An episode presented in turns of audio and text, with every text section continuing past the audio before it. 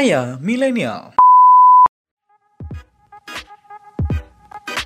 Wah, berarti Indonesia ini perlu digerakkan lagi ya untuk membaca. Itu uang tips saya sendiri bisa sampai 30-40 euro loh sendiri. In the end, we only regret the chances we didn't take, the relationship we were afraid to have, and the decisions we waited too long to make.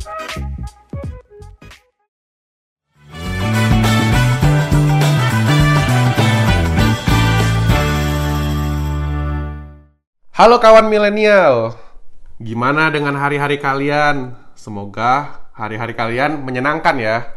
Nah, balik lagi nih di podcast saya milenial. Ya, hari ini kita mau bicarain sebuah topik yang cukup menarik. Nah, semoga podcast ini kalian bisa dengar dan jadi inspirasi buat kalian. Mungkin kalian yang denger podcast ini lagi nyetir di mobil misalnya dan menemani hari kalian ketika kalian macet mungkin ya di jalan gitu. Uh, terus mungkin kalian lagi dengerin podcast ini sambil masak atau mungkin makan sama teman-teman atau mungkin sama pacar. Nah, biar podcast ini juga bisa jadi inspirasi buat kalian. Nah, hari ini podcast ini sedikit lebih santai. Kita mau berbicara mengenai kehidupan pelajar yang ada di Indonesia sama pelajar yang ada di Jerman. Jadi kita tuh hari ini mau memberikan kalian gambaran apa bedanya kehidupan student-student ini. Terus lewat podcast ini kita juga mau membagi perspektif yang baru buat kalian. Dan juga semangat pastinya buat anak muda dan supaya kita mau terus belajar untuk menggapai cita-cita kita. Nah, hari ini aku nggak sendirian di sini Uh, hari ini aku ditemani sama Mark sama Victor. Hai Mark, hai Victor. Halo. Halo guys. Wah, gimana kabar kalian? Wah, masih sehat. Wah. Semangat. Produktif juga ya pastinya. Pastinya Pasti. dong. Iya dong. Sebagai sebagai kawan milenial kita nggak boleh terus terpuruk ya kan, nggak boleh terus cuma rebahan doang. Kan baik orang bilang sekarang anak muda itu kayak kaum rebahan dan lain-lain. Tapi kita harus tetap produktif ya kan. Iya. Nah, kan kita mau menginspirasi para milenial, mana bisa kita santai-santai. betul. Bersemangat dong. Nah, hari ini tema kita tema kita menarik nih, kawan-kawan. Tema kita menarik karena kita tuh di sini Mark itu sebagai eh, student yang ada di Jerman, sedangkan Victor adalah kehidupan student yang ada di Indonesia. Jadi kita tuh ingin memberikan gambaran perbedaannya apa gitu supaya kita bisa melihat di sini perspektif yang berbeda dari kehidupan student yang ada di luar dan di Indonesia. Nah, kita langsung mulai aja ke poin pertama. Nah, ini mungkin tema yang sangat menarik gitu. Kalau misalnya kita bilang biaya kuliah dan biaya hidup pada umumnya. Nah, aku tuh pengen mem- membandingkan sebenarnya apa sih bedanya biaya hidup di Jerman sama di Indonesia, Mark sama Victor? Mungkin kayak kesannya kita sekolah di Jerman itu kayak mungkin biaya hidupnya lebih mahal. Iya, tapi kan kita juga tahu pendapatan kita yang sekolah di Jerman kalau kita kerja part time gitu juga kita dapat uangnya juga lebih banyak. Gitu ya kan? Kalau misalnya aku mau bilang, aku ini kan juga salah satu student yang sekolah di Jerman. Dan aku bisa bilang negara Jerman ini sangat oke banget buat student karena apa? Dibandingkan dengan negara-negara lainnya, Jerman ini termasuk sangat murah untuk biaya hidupnya dan biaya sekolah.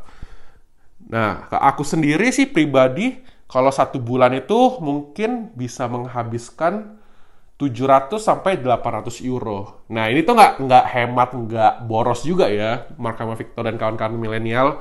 Jadi, lewat 700-800 euro ini, aku tuh udah ini juga karena aku eh, harus bayar eh, kalau di gereja tuh aku bayar per puluhan juga. Mungkin kayak kalian teman-teman yang lain bayar uang zakat ya kan. Terus ada share flat juga, bayar apartemen, asuransi, pulsa, makan dan lain-lain. Nah, kalau kamu sendiri gimana, Mark?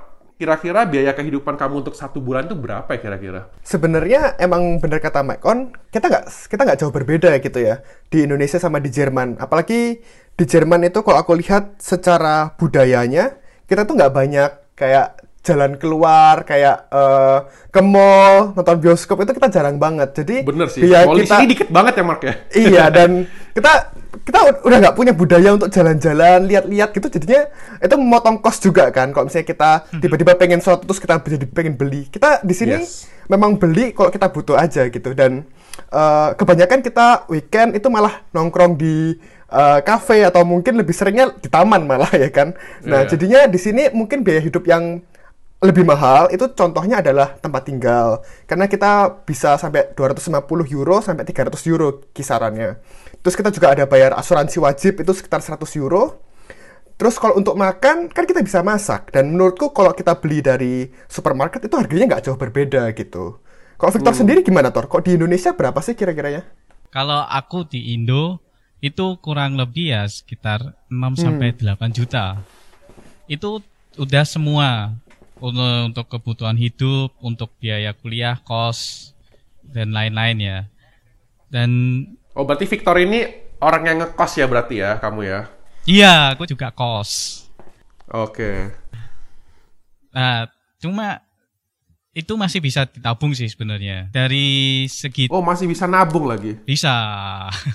Dan dari situ yang yang bisa dihemat sih memang kalau di Indo tergantung diri kita ya. Kita mau makan di tempat yang murah pun ya ada, tempat yang mahal pun ya ada. Cuman mungkin kalau orang yang suka party mungkin tidak cukup sih. Tapi kan kembali lagi ke orangnya enggak sih kalau kebutuhan hidup itu. Iya enggak? Iya sih, betul, betul. Jadi balik lagi ke lifestyle kita masing-masing ya kan? Karena pada inti akhirnya tuh kalau kita mau punya uang sebaik apa pun, kalau memang lifestyle kita ya begitu ya kita boros juga hitungannya. Betul, betul. Jadi kalau misalnya tadi sempat kita obrolin, sebenarnya kuliah di Jerman sama di Indonesia itu nggak terlalu jauh berbeda gitu loh. Aku mau bilang di sini ke kawan-kawan milenial, kalau student yang ada di Jerman ini, kehidupan itu sangat diistimewakan sama negara Jerman sendiri, Mark. Ya nggak sih? Bayangin ada uang namanya, dulu gue terima ini, Mark, kalau lo inget, namanya tuh welcoming uh, geld gitu. Itu lumayan loh, ser, uh, sera- 150 euro waktu itu. Nah, tadi kan kita udah bahas tuh mengenai biaya hidup ya kan. Kalau di Jerman misalnya eh, 800 euro kira-kira. Kalau di Victor sendiri di Indonesia mungkin 8 juta. Jadi kalau misalnya kita di Jerman ini kan kita sebagai student kita tuh boleh diizinkan untuk bekerja. Jadi kita tuh bisa part time lah ceritanya. Nah, yang aku tahu itu kalau kita dari peraturan yang kita dapat di visa itu kayak tulis kita tuh boleh bekerja selama 120 hari Untuk full time-nya, full time-nya bener.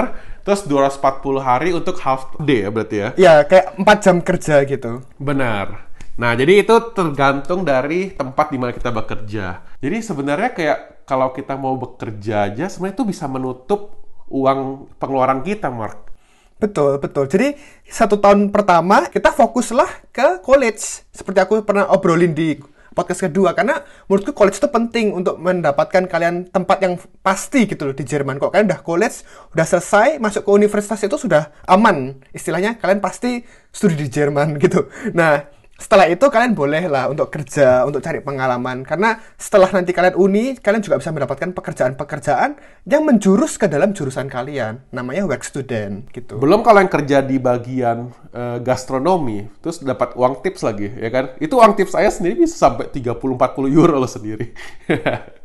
Kalau di Jerman itu yang penting adalah kita nggak mau nggak boleh untuk malas gitu. Kita harus mau proaktif untuk cari-cari informasi sebanyak-banyaknya Tor. Karena sebenarnya di Jerman tuh sudah banyak banget kayak platform-platform seperti Job Mensa, seperti agen-agen seperti efektif yang eh, membuka opportunity untuk kita bekerja gitu. Jadi kita lihat websitenya aja itu udah mungkin ada ratusan pekerjaan yang bisa kita apply. Atau kalau misalnya kalian lebih pro- eh, lebih profesional, kalian bisa cari dari LinkedIn gitu. Terus kalian bisa apply di sana dan itu menawarkan banyak banget pekerjaan. Kalau kita mau apply aja, aku yakin gitu. loh, Sebenarnya kita pasti bisa mendapatkan pekerjaan gitu. Benar. Nah, kalau di Indo sendiri bagaimana, Victor? Ya kalau kalian kan di sana mungkin kerja untuk se- sesuai kebutuhan perusahaan kan. Nah yang di sini enaknya kita bisa membuka usaha sendiri. Jadi udah dari awal kita bisa belajar kayak entrepreneur, ya kan? Karena selain bahasa, buka usaha murah, koneksi juga ada. Sebenarnya Tor, aku tuh agak iri juga di Indonesia ada enaknya juga gitu. Misalnya kalau aku lihat di Indonesia tuh ada banyak uh, usaha-usaha, kesempatan kita berusaha. Di Indonesia aja buat fotokopi juga bisa, buka bisnis cafe juga bisa. Terus ikut seminar-seminar bisnis itu banyak banget seminar-seminar yang uh, harganya nggak terlalu mahal tapi narasumbernya juga terkenal. Kayak seru banget sebenarnya di Indonesia. Kok kita di sini Mike mau ke seminar kita nggak ngerti orang yang ngomong apa. Bener banget. Apalagi dari segi bahas, dari segi bahasa misalnya ya kayak kita kan di sini mau nggak mau harus ngomong bahasa Jerman, kalau nggak minimal bahasa Inggris. Jadi kayak ya berarti di situ mungkin kayak kita bisa lihat perbedaannya ya.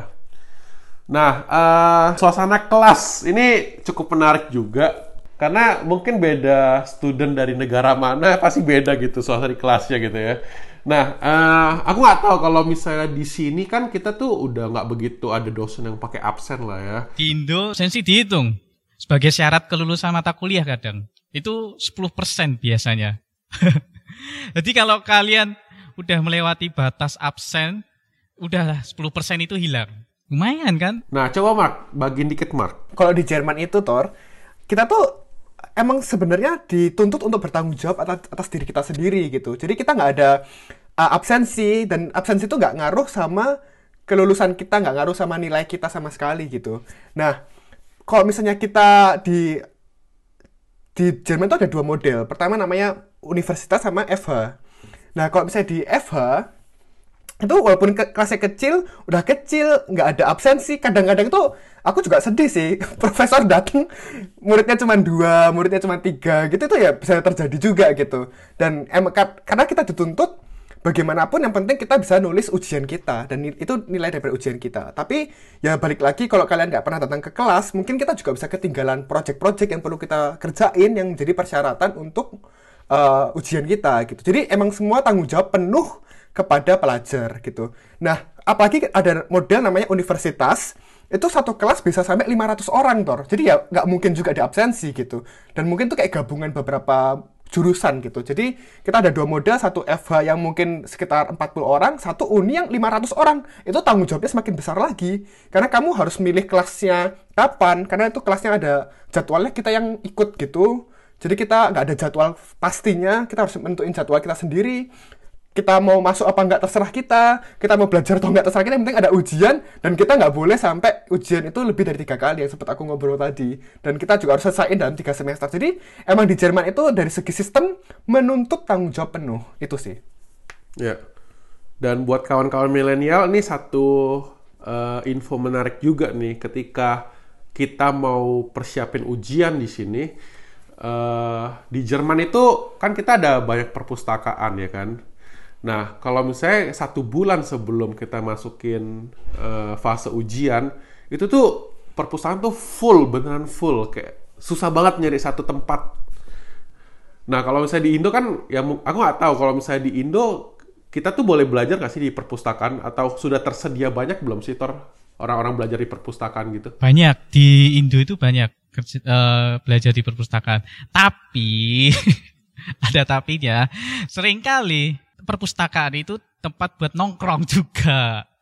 Kalau kita tahu harusnya perpustakaan itu kan hening ya, hening ya untuk belajar lah. Aku kan pernah juga selain di perpustakaan kampusku, aku pernah ke perpustakaan kampus lain. Kayak aku coba bandingkan gitu.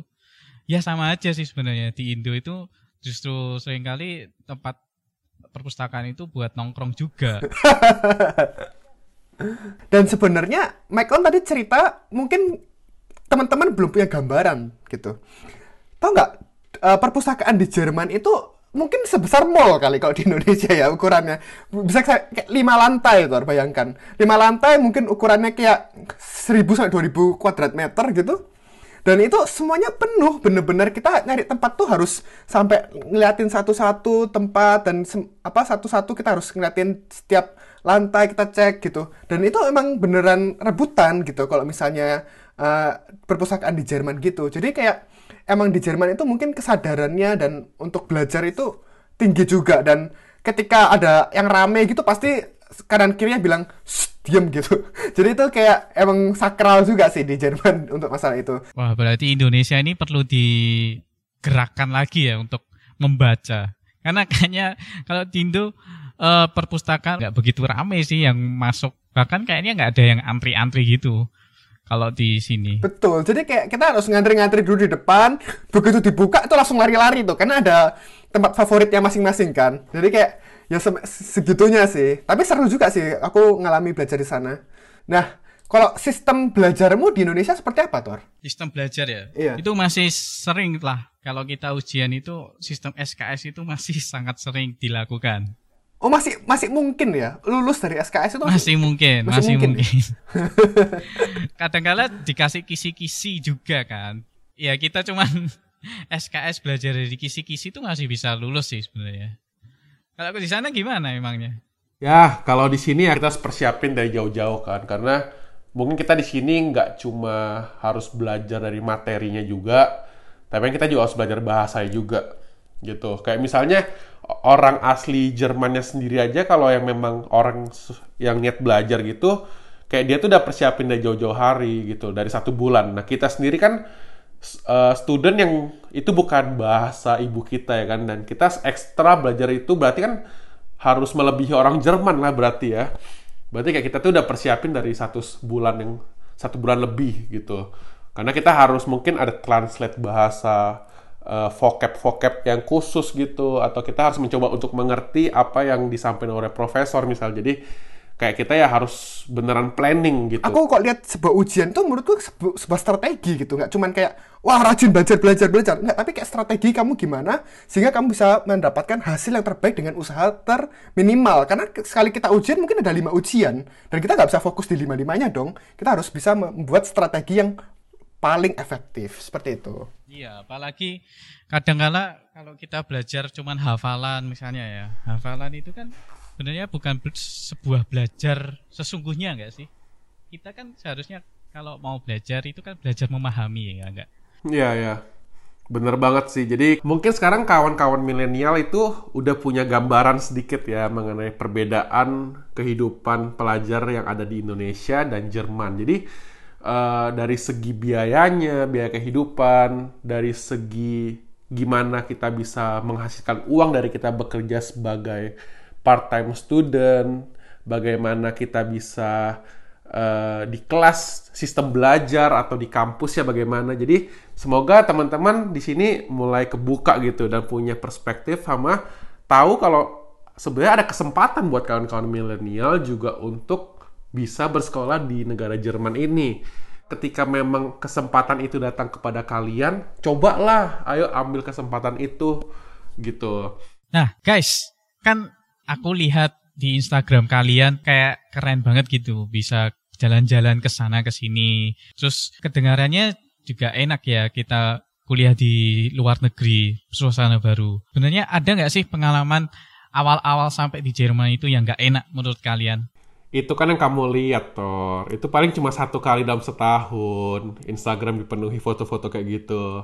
Tapi sebenarnya uh, dari pengalaman gak enak ini kita jadi baik belajar juga sih. Misalnya kayak dulu aku apa ya kalau bisa diingat-ingat kayak kita harus cari rumah sendiri.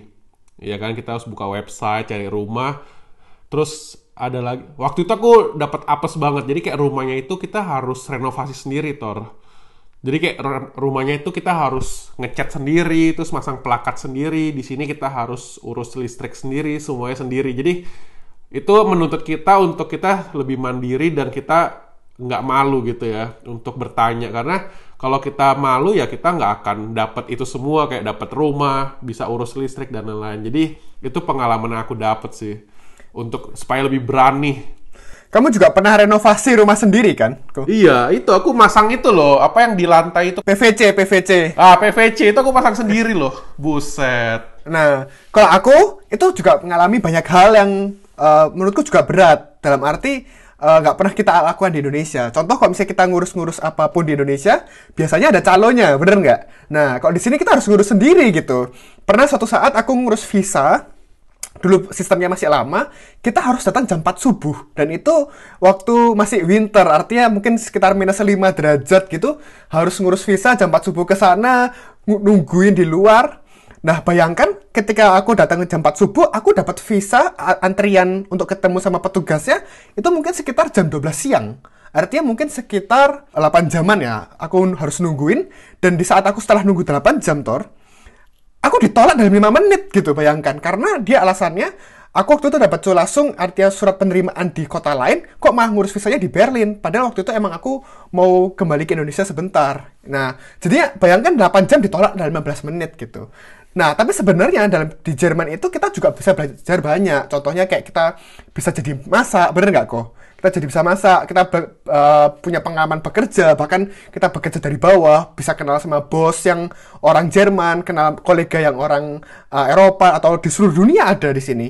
Kita belajar kemandirian, kita belajar untuk sistematis, gak boleh telat nih kalau di Jerman. Dan kita bisa lebih terbuka kan perspektifnya sama orang. Kita jadi lebih nggak rasis gitu, karena kita tahu gitu, uh, semua orang tuh sama di sini. Kita semua saling, saling berjuang gitu. Dan itu yang poin yang penting untuk kita semuanya bisa memandang manusia gitu, orang lain sebagai manusia. Berarti sebenarnya pengalaman yang nggak enak itu malah justru membuat kalian lebih banyak belajar kayaknya ya, lebih banyak positif ya. Nah, tapi pertanyaanku, waktu kalian mengalami pengalaman yang nggak enak itu, pernah nggak sih kayak awal-awal tuh terpintas ada penyesalan sekolah di luar negeri?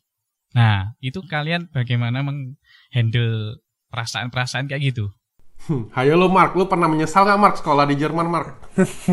lu dulu lah. Ya, penyesalan pasti ada lah mungkin awal-awal karena kita kesusahan ya kan dari bahasanya. Terus aduh kayak sekolah di Indonesia lebih enak deh. Kita nggak karena kita bahasa sendiri. Terus hmm. banyak teman-temannya juga lebih asik ya kan. Kalau misalnya kita harus mencoba bangun koneksi dulu dengan student-student yeah. dari luar neg dari negara-negara yang lain gitu. Nah gue tuh pertama juga pasti punya perasaan itulah. Tapi uh, eh, gue balik lagi gue tahu apa yang gue tuh harus menyelesaikan apa yang gue mulai. Jadi dari situ gue jadi semangat lagi terus gue dapat dukungan juga dari teman-teman yang lain gitu yang ada di sini. Jadi itu sih yang menguatkan gue kalau aku sendiri aku nggak pernah menyesal juga gitu. Bener kata Mike On kita harus finish what you started gitu. Dan ketika aku berangkat itu semuanya full adalah keputusan pribadiku. Aku sadar betul aku memutuskan itu. Jadi aku emang udah dari awal sepikiran bahwa emang kau harus lulus dan bawa ijazah pulang. Jadi ketika ada masalah datang ya selalu ingat kenapa kita memulai dan kita harus selesai gitu. Betul Anyway, aku pun juga punya pengalaman di masa kuliah yang gak enak yang mau aku bagikan di podcast ini. Kejadian ini ketika aku kuliah semester 5, ketika itu menjadi ketua organisasi mahasiswa program studiku, tantangan menjadi seorang pemimpin adalah mentalnya. Karena apa yang diputuskan selalu ada saja rintangannya.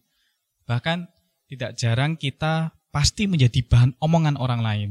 Nah, di saat itulah aku merasa mentalku nggak kuat dan pada akhirnya tidak menyelesaikan tugasku. Aku mengambil keputusan yang mudah, yaitu menyerah daripada bertahan. Dan dari kejadian itu aku memutuskan cuti kuliah. Sempat kepikiran untuk berhenti kuliah karena merasa rendah diri dan malu.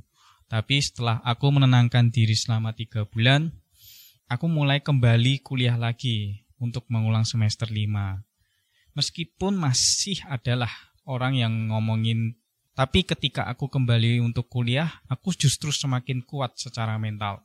Karena aku mau menyelesaikan studiku untuk orang tua. Dan aku bersyukur tuh dosen di tempatku kuliah tetap menerima aku, support aku, dan aku sangat belajar banyak banget ketika bisa bangkit dari kegagalan. Aku mulai bisa mengenali emosiku, mengontrol stres, dan yang paling penting bisa mengontrol diri juga. Selain tadi yang dibilang Mike, finish what you start, kita juga perlu menanyakan why you start ketika kita mulai merasa lelah kawan milenial. Sometimes it's okay kalau kita merasa gagal, tapi kita harus cepat pulih dan bangkit lagi. Jangan terpuruk pada kegagalan. Kegagalan banyak memberikan kita pelajaran kok. Ada hikmahnya kalau orang bilang. Oke, kita sekarang sudah masuk di akhir podcast Niko Mike. Nah, uh, mungkin podcast kali ini kita mau segitu aja dulu. Uh, aku mau minta Mark, mungkin Mark kamu ada satu quotes nggak buat kita? So, jadi uh, quotes yang aku mau bagiin hari ini untuk kawan milenial adalah salah satu quotes favoritku. In the end, we only regret the chances we didn't take, the relationship we are afraid to have, and the decisions we are waited too long to make. Itu dari Lewis Carroll Aku percaya kita hanya akan menyesal dengan kesempatan yang tidak kita ambil atau mungkin kita terlalu takut untuk ambil. Bila kita gagal sekalipun, kita bisa belajar daripadanya kan? Dan kalau misalnya kita belajar daripadanya, kita pasti menjadi lebih kuat. Namun coba bayangkan kalau kita nggak pernah ambil kesempatan itu, kita tidak, tidak pernah tahu sampai sejauh mana kesempatan itu dapat membawa kita. Jadi terus semangat kawan milenial, kalau kalian jatuh, bangkit lagi dan jadilah pemenang. Nah, jadi itu buat kawan-kawan milenial juga. Uh, thank you banget buat Ya, Mark dan Thank you. Victor yang udah mau berbagi pengalamannya. Semoga ini bisa menginspirasi kawan-kawan juga tentunya. Kalau kalian punya feedback dan saran, jangan ragu-ragu untuk DM kita aja di Instagram @sayamilenial. Aku yakin lewat feedback dan saran kalian, kita akan terus berkembang jadi lebih baik lagi dan bisa terus untuk menginspirasi kawan-kawan milenial yang lain. Stay tune with us. Saya milenial, kita kawan milenial.